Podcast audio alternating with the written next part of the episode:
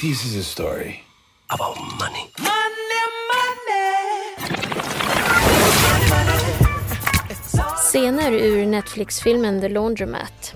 En svart komedi där Gary Oldman och Antonio Banderas spelar advokaterna Mossack och Fonseca. De hjälper politiker, kändisar, kriminella och företag runt om i världen att smita undan med skatten. millions and millions and millions of dollars, and they're trying to hide the whole thing. I filmen spelar Oscarsbelönade Meryl Streep en änka som utreder ett försäkringsbedrägeri. Det hela leder henne till skatteparadiset Panama. I april blir det fem år sedan Panama Papers avslöjade den smutsiga pengaindustri som filmen bygger på. Uppdrag gransknings Fredrik Laurin var en av journalisterna som rapporterade om skandalen.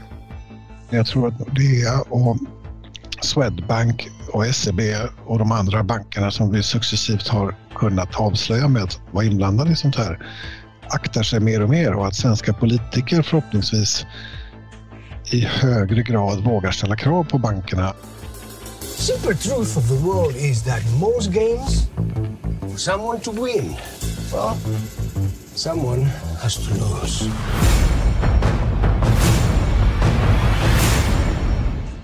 Och förlorar gör vi alla när skattemedel försvinner. Men hårdast drabbas människor i utvecklingsländer och bland dem särskilt flickor och kvinnor. These governments lack the, the money they need to invest in very, very basic services, education, access to water, health, and all, and all those kind of facilities. So it's a question of life and death. Ytterst en fråga om liv eller död alltså enligt Alvin Mosioma från Text Justice Network. Det här är Angeläget, en biståndspodd från Diakonia. Jag heter Ester Flores Edman och vi ska prata om hur skatteflykt håller kvar människor i fattigdom.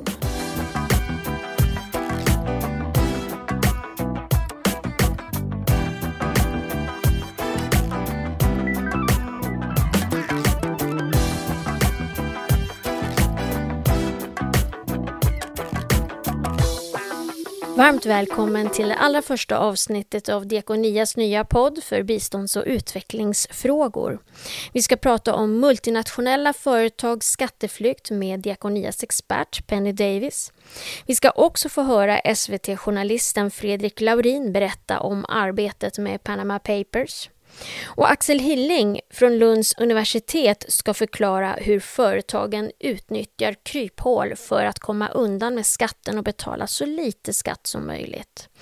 Men först Benny tänkte jag att vi skulle börja med att förklara varför skatteflykt är ett problem och vad vi menar när vi säger att människor i utvecklingsländer drabbas hårdast.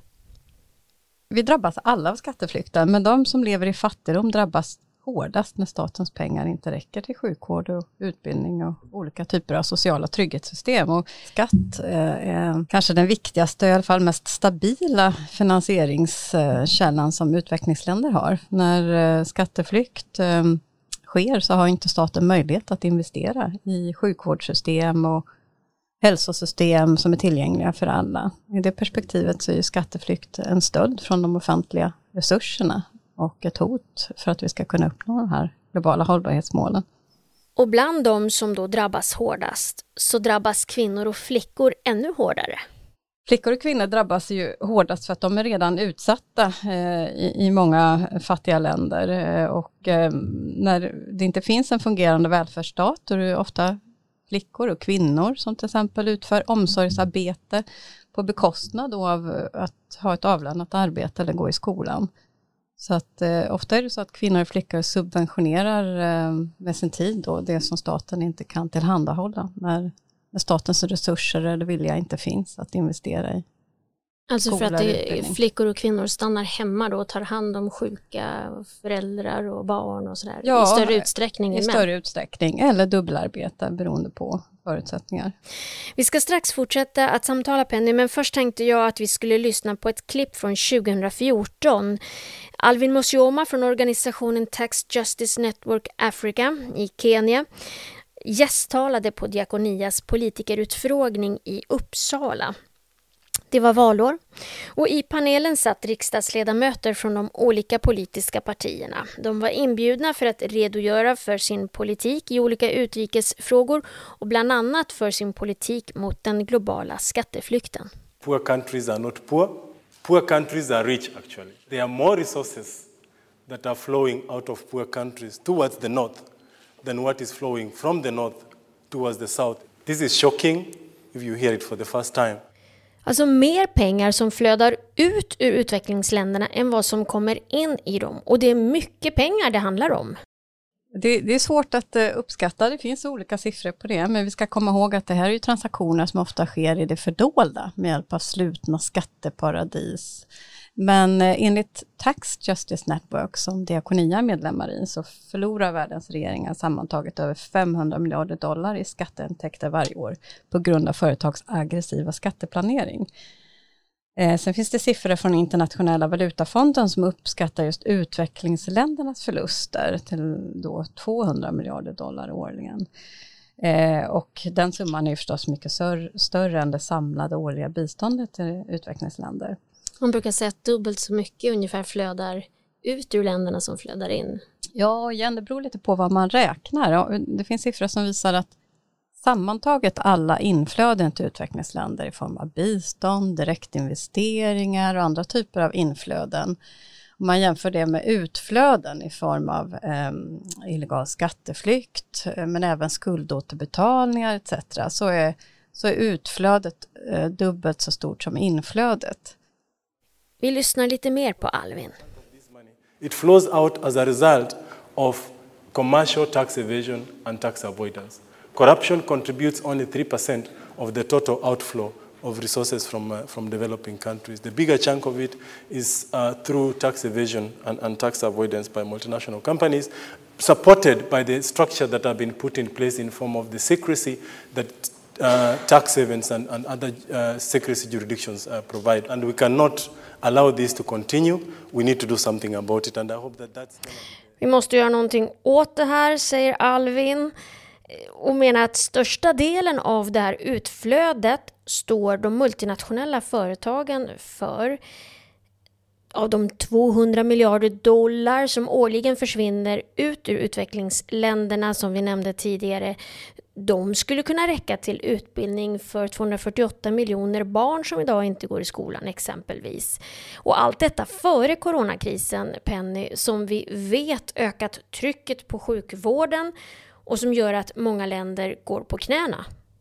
Coronakrisen har ju ytterligare belyst vikten av att stoppa skatteflykten, för de här pengarna behövs i den här rådande krisen och eh, även annars också. Redan före covid-19 så saknade utvecklingsländerna hela 2500 miljarder dollar per år för att nå målen Agenda 2030 enligt FN.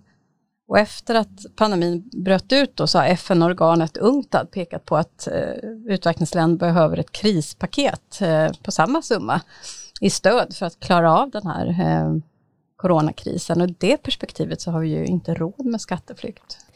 Problemet är ju att ingen vet hur mycket pengar företagen tjänar i respektive land och då kan man inte komma åt skatteflykten. Öppenhet är ju en nyckelfråga för att skatteflykt möjliggörs ju av eh, brist på insyn helt enkelt. Och eh, om vi får insyn i vad multinationella företag eh, betalar i skatter, vilka vinster de gör i de länder de är verksamma, då kan eh, folkvalda journalister och andra se om företagen betalar sin beskärda del av skatten. Eh, och eh, om den informationen finns offentlig, då kan man utkräva ansvar när, när vi märker att ja, det är någonting som inte stämmer. Det är ju inte helt omöjligt faktiskt att företagen gör rätt för sig, men det kan vi ju som sagt då inte veta eftersom informationen är hemlig. Men det är ju mycket som talar för att de smiter med skatten. Det visar alla de skatteflyktsskandaler som medierna rapporterat om på senare år. Vi nämnde Panamaläckan i inledningen av potten men två år innan det så släpptes LuxLeaks och något år efter Panama Papers kom Paradise Papers så sent som i höstas publicerades en ny penningtvättshärva som går under namnet Finsen och kopplar till USAs finansdepartement. Jag har pratat med Fredrik Laurin, en erfaren och grävande journalist. som varit med och avslöjat ett antal av läckorna. Vi lyssnar på honom. Think of this as fairy tale that actually happened. There's confusion over who has to pay. So they drowned Joe and 20 other innocent people, and somebody's making money from it. It all goes back to this law firm, Mossack Fonseca. Panama-härvan blev känd efter att över 11 miljoner dokument läckt till den tyska nyhetstidningen Süddeutsche Zeitung i ett unikt samarbete Genom det internationella nätverket av grävande journalister ICIJ så plöjde närmare 400 journalister i 80 länder igenom de här dokumenten som när de offentliggjordes toppade nyhetsmedierna världen över. Det var för första gången, eller inte riktigt första gången faktiskt, men det var de första gången som det fick ett stort genomslag att journalister kom på baksidan av den tidigare ogenomträngliga mur som har varit eh, sådana här offshore-paradis.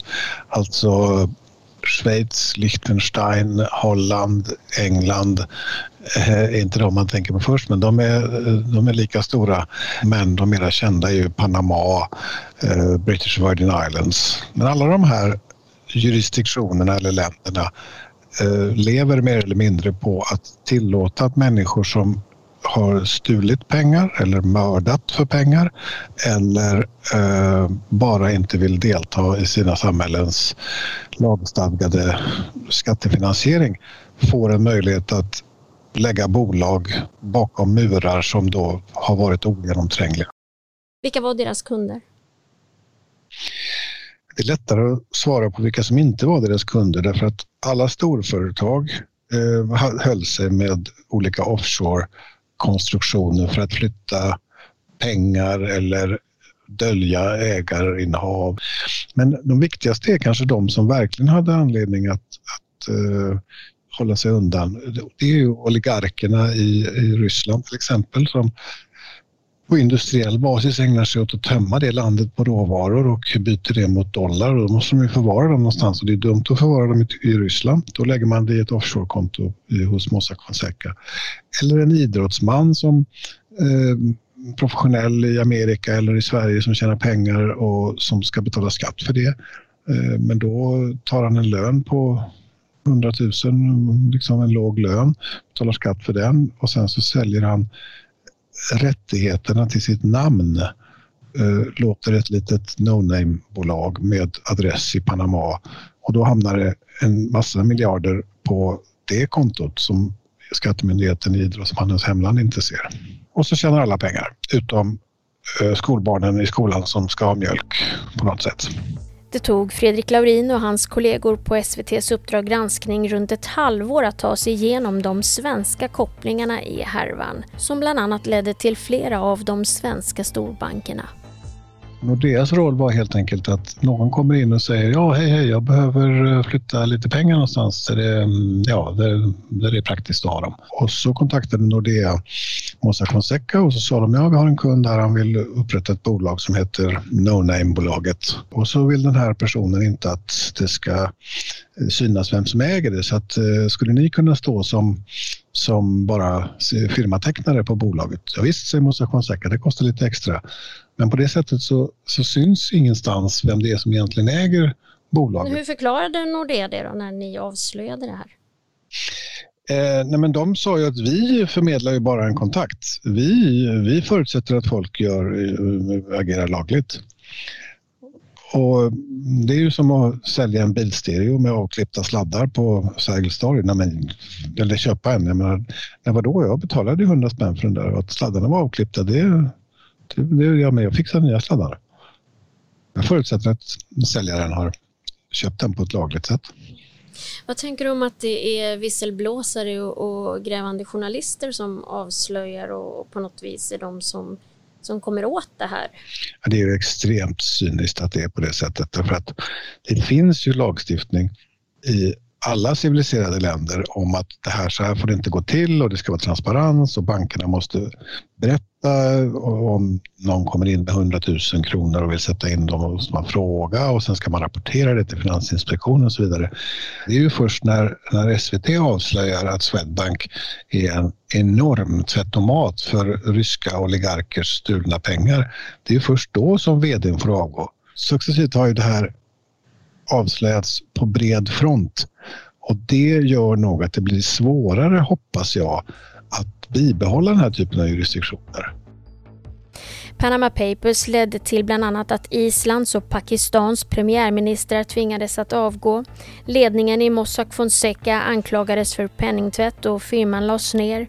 Efter avslöjandet har skattemyndigheter i ett tjugotal länder, däribland Sverige, krävt tillbaka skatt till miljardbelopp.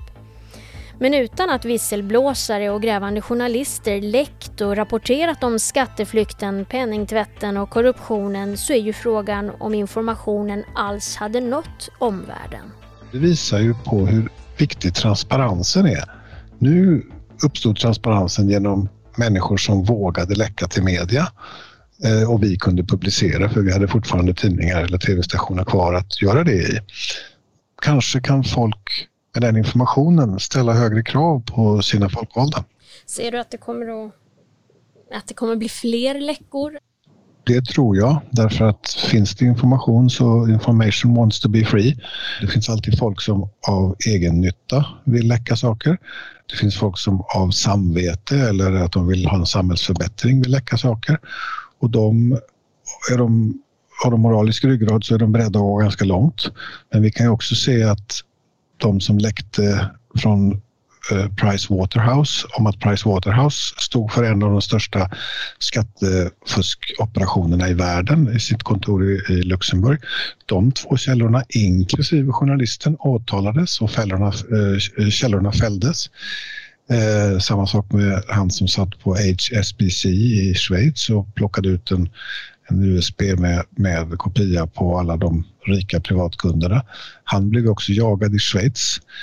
Vi kan se att eh, eh hon som läckte eh, Finsen-dokumenten, alltså den amerikanska finansinspektionen, hon hotas ju nu av jag vet inte om faktiskt om straffet har utdelats men hon, hon dömdes i somras och eh, hon riskerar ju ett eh, decennielångt fängelsestraff. Och det är ju inga människor som har, som har tjänat någonting på detta utan det här är ju bara människor som har i sitt arbete suttit och sett precis det vi talar om och tänkt men detta är ju inte klokt. Jag måste göra något. Jag måste använda mig av de samhälleliga institutioner som är massmedia och de ofta grundlagsskyddade möjligheter att lämna information till massmedia om missförhållanden som finns till exempel i svenska tryckfrihetsförordningen men också i amerikanska. Eh, och så gör de det och då räcker inte det skyddet utan då åker de dit i alla fall. Och det där tror jag kommer att strypa läckarna. Man kommer att bestraffa så hårt eller hårdare och hårdare tills det eh, blir för jobbigt att läcka. Även om bankerna sedan Panama-dokumenten 2016 tagit till åtgärder för att motverka skatteflykt och penningtvätt så återstår mycket att göra. Flera svenska storbanker har exempelvis de senaste åren pekats ut för bristande arbete mot penningtvätt. Och där lämnar vi Panama Papers, visselblåsarna och medierapporteringen väl medvetna om vilka risker de tar när de avslöjar skatteflyktsskandalerna. Med mig och Penny Davis, som alltså är policyrådgivare på Diakonia, finns nu också Axel Hilling, docent vid Ekonomihögskolan vid Lunds universitet. Välkommen till podden. Tack så mycket. Och jag tänkte att jag skulle börja med att fråga dig Axel om vad som är lagligt och inte lagligt i det här med skatteflykt. Eh, om man har en transaktion som inte är direkt förbjuden enligt lagen så, så kan man ju hävda att då är den okej. Okay. Eh, men den, kanske är en, den, den, transaktionen kanske strider mot andemeningen i lagen. Och, och då, då finns det de som säger att ja, men då är den inte okej. Okay. Men sen finns det de som säger att ja, men i och med att det inte uttryckligen hindras av lagen så är den okej. Okay. Och, och där då brukar man kalla det en gråzon. Och just i den gråzonen, där är skatteflykt. Då ska man alltså fastställa ifall syftet med transaktionen har varit att undanhålla skatt. Och man, kan, man kan likna det vid till exempel en, om man går in i en butik där det står ett, eh, ett tecken på dörren att en glass med, som är överstruken står på dörren. Eh, då, kan man tänka som så här att ja, jag får inte ta med mig en glass in i butiken. Eh, men man kan också tänka så här, jag får inte ta, in med, ta med mig någonting in i butiken som kan kladda ner varorna i butiken. Och, och om man tänker att andemeningen är att man får inte ta med sig något kladdigt in, då tar man inte med sig en varmkorv in i butiken heller. Men om man tänker att det är bara glass som inte får tas med in i butiken, då kan man ta med sig in en varmkorv i butiken och kladda ner och säga att det finns inget förbud mot detta. Och där har du ungefär skillnaden mellan vad som är skatteflykt och hur man ser på det.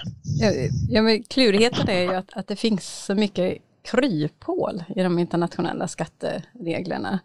Och eh, beslutsfattare försöker täppa till de här kryphålen medan det finns många kreativa krafter som utnyttjar de här kryphålen och just eh, gör allt för att minimera sina skattebetalningar. Och att, som Axel sa, att gränsen mellan vad, vad som sker inom lagens ramar och mot lagen eh, är ganska hårfin. Men Axel, kan du beskriva, vad är det de gör då, eh, de här multinationella företag? För du måste ju ha verksamhet i flera länder då. Ja, absolut. Ett av de mest kända exemplen är väl Googles struktur, den som de hade under många år. Eh, och, och vad de hade då hade de ett bolag på Irland där man har relativt låg bolagsskatt som i sin tur ägde ett bolag i Holland eh, som i sin tur ägde ett annat bolag på Irland. Eh, och det eh, ägde i sin tur då bolag runt om i EU och framförallt vad man utnyttjade det här var ju att man inom EU får skicka royalty skattefritt mellan länder och så utnyttjar man också då att eh, Irland har en skattelagstiftning där då det här irländska bolaget enligt rätten har sin hemvist på, på Bermuda. Det funkade under tio år och det gjorde ju att eh, det var väldigt mycket av Googles eh, verksamhet som inte blev beskattat under den perioden och att, eh, att många av EU-länderna gick miste om eh, skatteintäkter. Även andra företag som Amazon och Starbucks har ju fått stå till svars för sina upplägg för att minimera skatten. Men Axel, det har ju gjorts en del för att stoppa skatteflykten. Inte minst efter alla skandaler som läckt ut i medierna och som vi hörde Fredrik Laurin tidigare berätta om. Vad är det man har gjort? Man har gjort ganska mycket eh, internationellt och i, i samarbete mellan länder och det hela tog fart kan man säga i med finanskrisen 2008. Och då såg man att många stora företag inte betalade den skatten som man kunde förvänta sig. Eh, och då var det G20, alltså de 20 rikaste länderna tillsammans med OECD som drog igång ett projekt som hette eh, BEPS eh, och det är Base Erosion and Profit Shifting. Och det var 2013 som man drog igång det och 2015 kom man med 15 stycken åtgärdspaket som eh, OECD-länderna då Eh, förväntades implementera. Bland annat då att man skulle ha eh, hårdare ränteavdragsbegränsningsregler, man skulle ha tuffare, ja, tuffare skattepliktsregler helt enkelt samt ett större samarbete mellan eh, skattemyndigheterna i länderna. Om vi stannar till lite där vid, vid det här BEPS-paketet så är ju ett stort problem där Penny att utvecklingsländerna inte kan ta del av den information som delas. En av de åtgärder som ingår i det här paketet är att skattemyndigheter i olika länder ska utbyta information av företags eh, skattebetalningar i olika länder där företagen är verksamma, så kallad land för land-rapportering. Det här utbytet sker mellan skattemyndigheter och ett stort problem är att utvecklingsländerna eh, får inte i samma utsträckning som rikare länder ta del av den här informationen. Inget av de länder som enligt FN klassas som de minst utvecklade får ta del av de här eh, rapporterna. Och de här rapporterna eh, om land, företags land för land-rapportering eh, av sina skatter är ett viktigt verktyg för att länder ska kunna se om företagen betalar en rimlig skatt eller inte. Eh, när de till exempel är engagerade i utvinningsindustrin i Zambia. Eh, men eh, för oss som civilsamhälle så, så är ytterligare en dimension av det här ett stort problem att, att det här BEPS-paketet handlar om skattemyndigheter. Vi, civilsamhället, folkvalda, granskare, watchdogs, journalister, människor i utvecklingsländer får inte ta del av den här informationen. Så ett problem är helt enkelt eh, hemlighetsmakeriet inom BEPS-utbytet. Vi tycker att den här informationen måste göras offentlig för att det ska kunna gå att täppa till kryphålen och skatteflykten. Och för att man också ska kunna ställa eh, både företag och, och eh, även eh, mottagarna av skatten till svars. Ja, nej, men eh, som vi sa tidigare här så är ju öppenhet en nyckelfråga för att kunna bekämpa skatteflykt. Eh, och ehm, eh, i EU så pågår det en process eh, som startades faktiskt redan 2016 då EU-kommissionen lade fram ett förslag om att EUs medlemsländer ska införa regler då, eh, om offentlig landförandrapportering för multinationella företag. Det innebär att multinationella företag med verksamhet i EU ska offentligt, öppet redovisa vilka skatter de gör och vilka vinster de gör i varje land de är verksamma. Eh, och just det här offentlig land-för-land-rapportering är ju som vi ser det ett viktigt verktyg för att kunna se om företagen betalar den del av skatten de bör.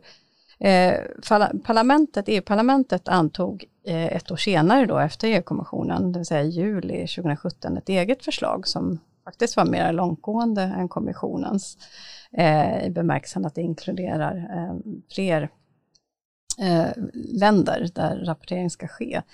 Eh, och eh, sen har den här processen inom EU gått i stå. EUs medlemsländer har inte lyckats enas på grund av motstånd från flera av medlemsländerna mot det här förslaget om offentlig land för land-rapportering för multinationella företag. Sverige är ett av de länder i EU som har blockerat och röstat emot förslaget eh, om land för land-rapportering för multinationella företag. Ja, senast eh, när förslaget var uppe för omröstning så blockerade ju då eh, Sverige genom att rösta nej och det gjorde att det här förslaget inte fick den majoritet det behövde och eh, förhandlingarna gick i stå. Eh, regeringen har motiverat sitt nej med att de anser att offentlig land för land-rapportering är en skattefråga, inte inte en redovisningsfråga. När man istället då från EU-kommissionen och EU-parlamentet argumenterar för att det här, det är inte en skattefråga, det är eh, helt enkelt en åtgärd som handlar om redovisningsregler. Förslaget berör inte skatteregler, det inskränker inte medlemsländernas bestämmande rätt på skatteområdet. Det handlar helt enkelt om en transparensåtgärd. Axel, tycker du att, att man har gjort tillräckligt för att stoppa skatteflykten? Nej, det tycker jag väl inte. Jag tror att det finns mycket att göra men samtidigt så är jag medveten om att, att lagstiftningen kommer alltid att vara eh, operfekt vilket innebär att det alltid kommer finnas kryphål eh, för företag som är intresserade av att försöka eh, slingra sig. Och eh, av den anledningen så, så ligger väl ett stort, en stor del av ansvaret på skattebetalaren också. Så att, eh, att eh, förutom det här juridiska eller legala eh, perspektivet så, så, så, är det också ett moraliskt perspektiv.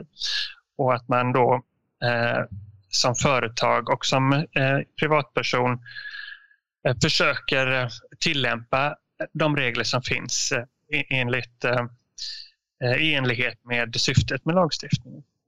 Jag skulle bara lägga till just det här med att göra rätt för sig. Det är ju jätteviktigt att alla gör rätt för sig, men då är det också väldigt viktigt att eh, eh man har ett eh, förtroende eh, för rättvisan i skattesystemet. Och det är det som är problemet med skatteflykt, att det faktiskt underminerar förtroendet för eh, skattesystemet, att det fungerar. För om vi ser att stora multinationella företag ägnar sig åt aggressiv skatteplanering då påverkar det också eh, på personlig nivå eh, individers känsla av att varför ska jag betala skatt om de stora smiter undan skatten?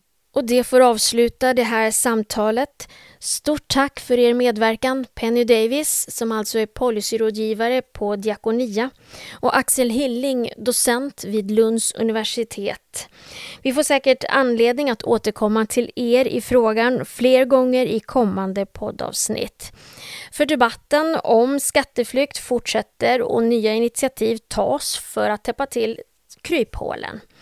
En positiv sak är att offentlig land-för-land-rapportering nu ingår i Global Reporting Initiatives riktlinjer, vilket innebär att de multinationella företag som vill på frivillig basis faktiskt kan offentliggöra sin information. Och Portugal som under våren nu har ordförandeskapet i EU, de har sagt att de ska ta upp frågan om bindande EU-gemensamma regler. Vi får se om Sverige återigen då blockerar frågan eller om de byter fot. Vi hoppas ju förstås på det sistnämnda.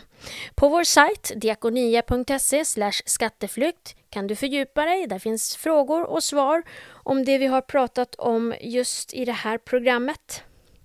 Och med det så ska vi avsluta med någonting helt annat. Ni ska få en ögonblicksbild från Myanmar signerad Annette Wallqvist som är kommunikatör på Diakonia. I Myanmar, landet som tidigare kallats för Burma, har kvinnors ställning länge varit svag. Men nu börjar kvinnorna så smått att ta plats, både hemma och i samhället. Men riktigt jämställt, det blir det aldrig. Om de inte löser problemet med hur de ska tvätta sina smutsiga underkläder. I militärregimens Burma fanns en ovilja att erkänna kvinnor som starka ledare och det var länge förbjudet att prata om kvinnors rättigheter. När en av Myanmars mest kända kvinnorättsorganisationer, NGO Gender Group, startade år 2008, då fick de hålla sina möten bakom stängda dörrar. Och de pratade liksom i koder. De pratade om kvinnors värdighet istället för att säga rent ut vad det handlade om, deras rättigheter. Först 2012 blev det möjligt att prata öppet om genusrättvisa och våld mot kvinnor. Det året ordnade nämligen Myanmars regering en stor konferens som handlade om FNs konvention om avskaffande av all slags diskriminering mot kvinnor. Jag har varit i Yangon för att skriva om kvinnors ställning och om våld mot kvinnor. Ett problem som genomsyrar hela landet. Vem jag än har frågat så har de sagt samma sak. Män har en stark ställning i Myanmar. De anses vara familjens överhuvud och har rätt att bestämma över och kontrollera sina fruar. Kvinnor förväntas stanna hemma och ska inte delta i aktiviteter utanför hemmet utan att först fråga sin man om lov. Våld mot kvinnor är normaliserat och våldtäkter mot minderåriga är alltför vanliga. NGO Gender Group vill arbeta på gräsrotsnivå. De utbildar volontärer i kvinnors rättigheter och om vilka lagar och konventioner som finns till stöd för kvinnor. Sen är tanken att volontärerna ska gräva där de står och på olika sätt övertyga människor i sin omgivning. De ska ordna möten, ta samtal på tehus, på marknaden, hos barberaren eller på skönhetssalongen. Tanken är att kunskapen om kvinnors rättigheter ska spridas som ringar på vattnet. När jag träffar volontärerna Ma Marse och Ma Kin Yu då har de precis påbörjat sitt arbete i området där de bor. Vi pratade länge om könsbaserat våld, sexuella övergrepp och hur glada de var över att det arrangemang som de ordnat på internationella kvinnodagen drog mer folk än de någonsin kunnat drömma om. Men så var det ju det där med tvätten. Jag har hört att det i Myanmar är otänkbart att tvätta mäns och kvinnors kläder tillsammans och nu vill jag ta reda på om det är sant. Stämmer det att ni inte blandar er mäns och kvinnors kläder i tvätten? frågar jag. De börjar skratta. Och alla börjar prata i munnen på varandra på burmesiska. Mamma Tsai tittar lite generat på mig och nickar. Jo, blir svaret. Det är sant. Fast det gäller bara för kläder som används från midjan och neråt, förklarar hon. Men inte nog med det. Kläderna ska hängas upp separat också. Hon säger att hon hänger sin mans och sin sons kläder uppe på balkongen på framsidan. Sina egna kläder, de hänger hon bakom huset, där ingen ser. Men varför, undrar jag? Är det inte enklare att bara tvätta och hänga allt tillsammans? De skrattar igen och nu ser kvinnorna ännu mer generade ut. Och den manliga tolken som jag har med mig, han fnissar medan han ska försöka förklara. En man föds med bone kan, något som kan förklaras som en slags kraft eller en makt som gör att han är överlägsen kvinnor. Om man då börjar blanda kläderna, då försvagas mannens makt. Mamma säger skjuter in. Jag skulle aldrig våga tvätta eller hänga min mans och mina lungis tillsammans. Då skulle jag alltid oroa mig för att han skulle drabbas av otur. Kvinnorna berättar för mig att det är en gammal tradition som går långt tillbaka och som kommer från buddhismen. Buddha var en man, alltså kan bara en man vara helig. Men hur ska ni någonsin kunna bli jämställda om ni fortsätter att upprätthålla ett system där mannen anses vara överlägsen, undrar jag till slut. Kvinnorna blir tysta en stund. Sen förklarar de att det här är något som alla tror på. Att tvätta mäns och kvinnors kläder tillsammans, det är helt enkelt otänkbart. Allt annat vore att utmana ödet. Till slut säger Ma Marsae, jag kan göra vad som helst för att vi ska bli mer jämställda i Myanmar, men inte det. Plötsligt blir utmaningen som kvinnor i Myanmar står inför väldigt konkret. När jag lämnar volontärerna surrar kvinnorörelsens slogan från 1970-talet i mitt huvud. Det personliga är politiskt. Och där sätter vi punkt och vi tackar er som lyssnat för visat intresse. Vill ni komma i kontakt med oss med frågor, invändningar eller kanske hurrarop så kan ni göra det på media.diakonia.se. Hör gärna av er och annars hittar ni kommande avsnitt där poddar finns. Mm.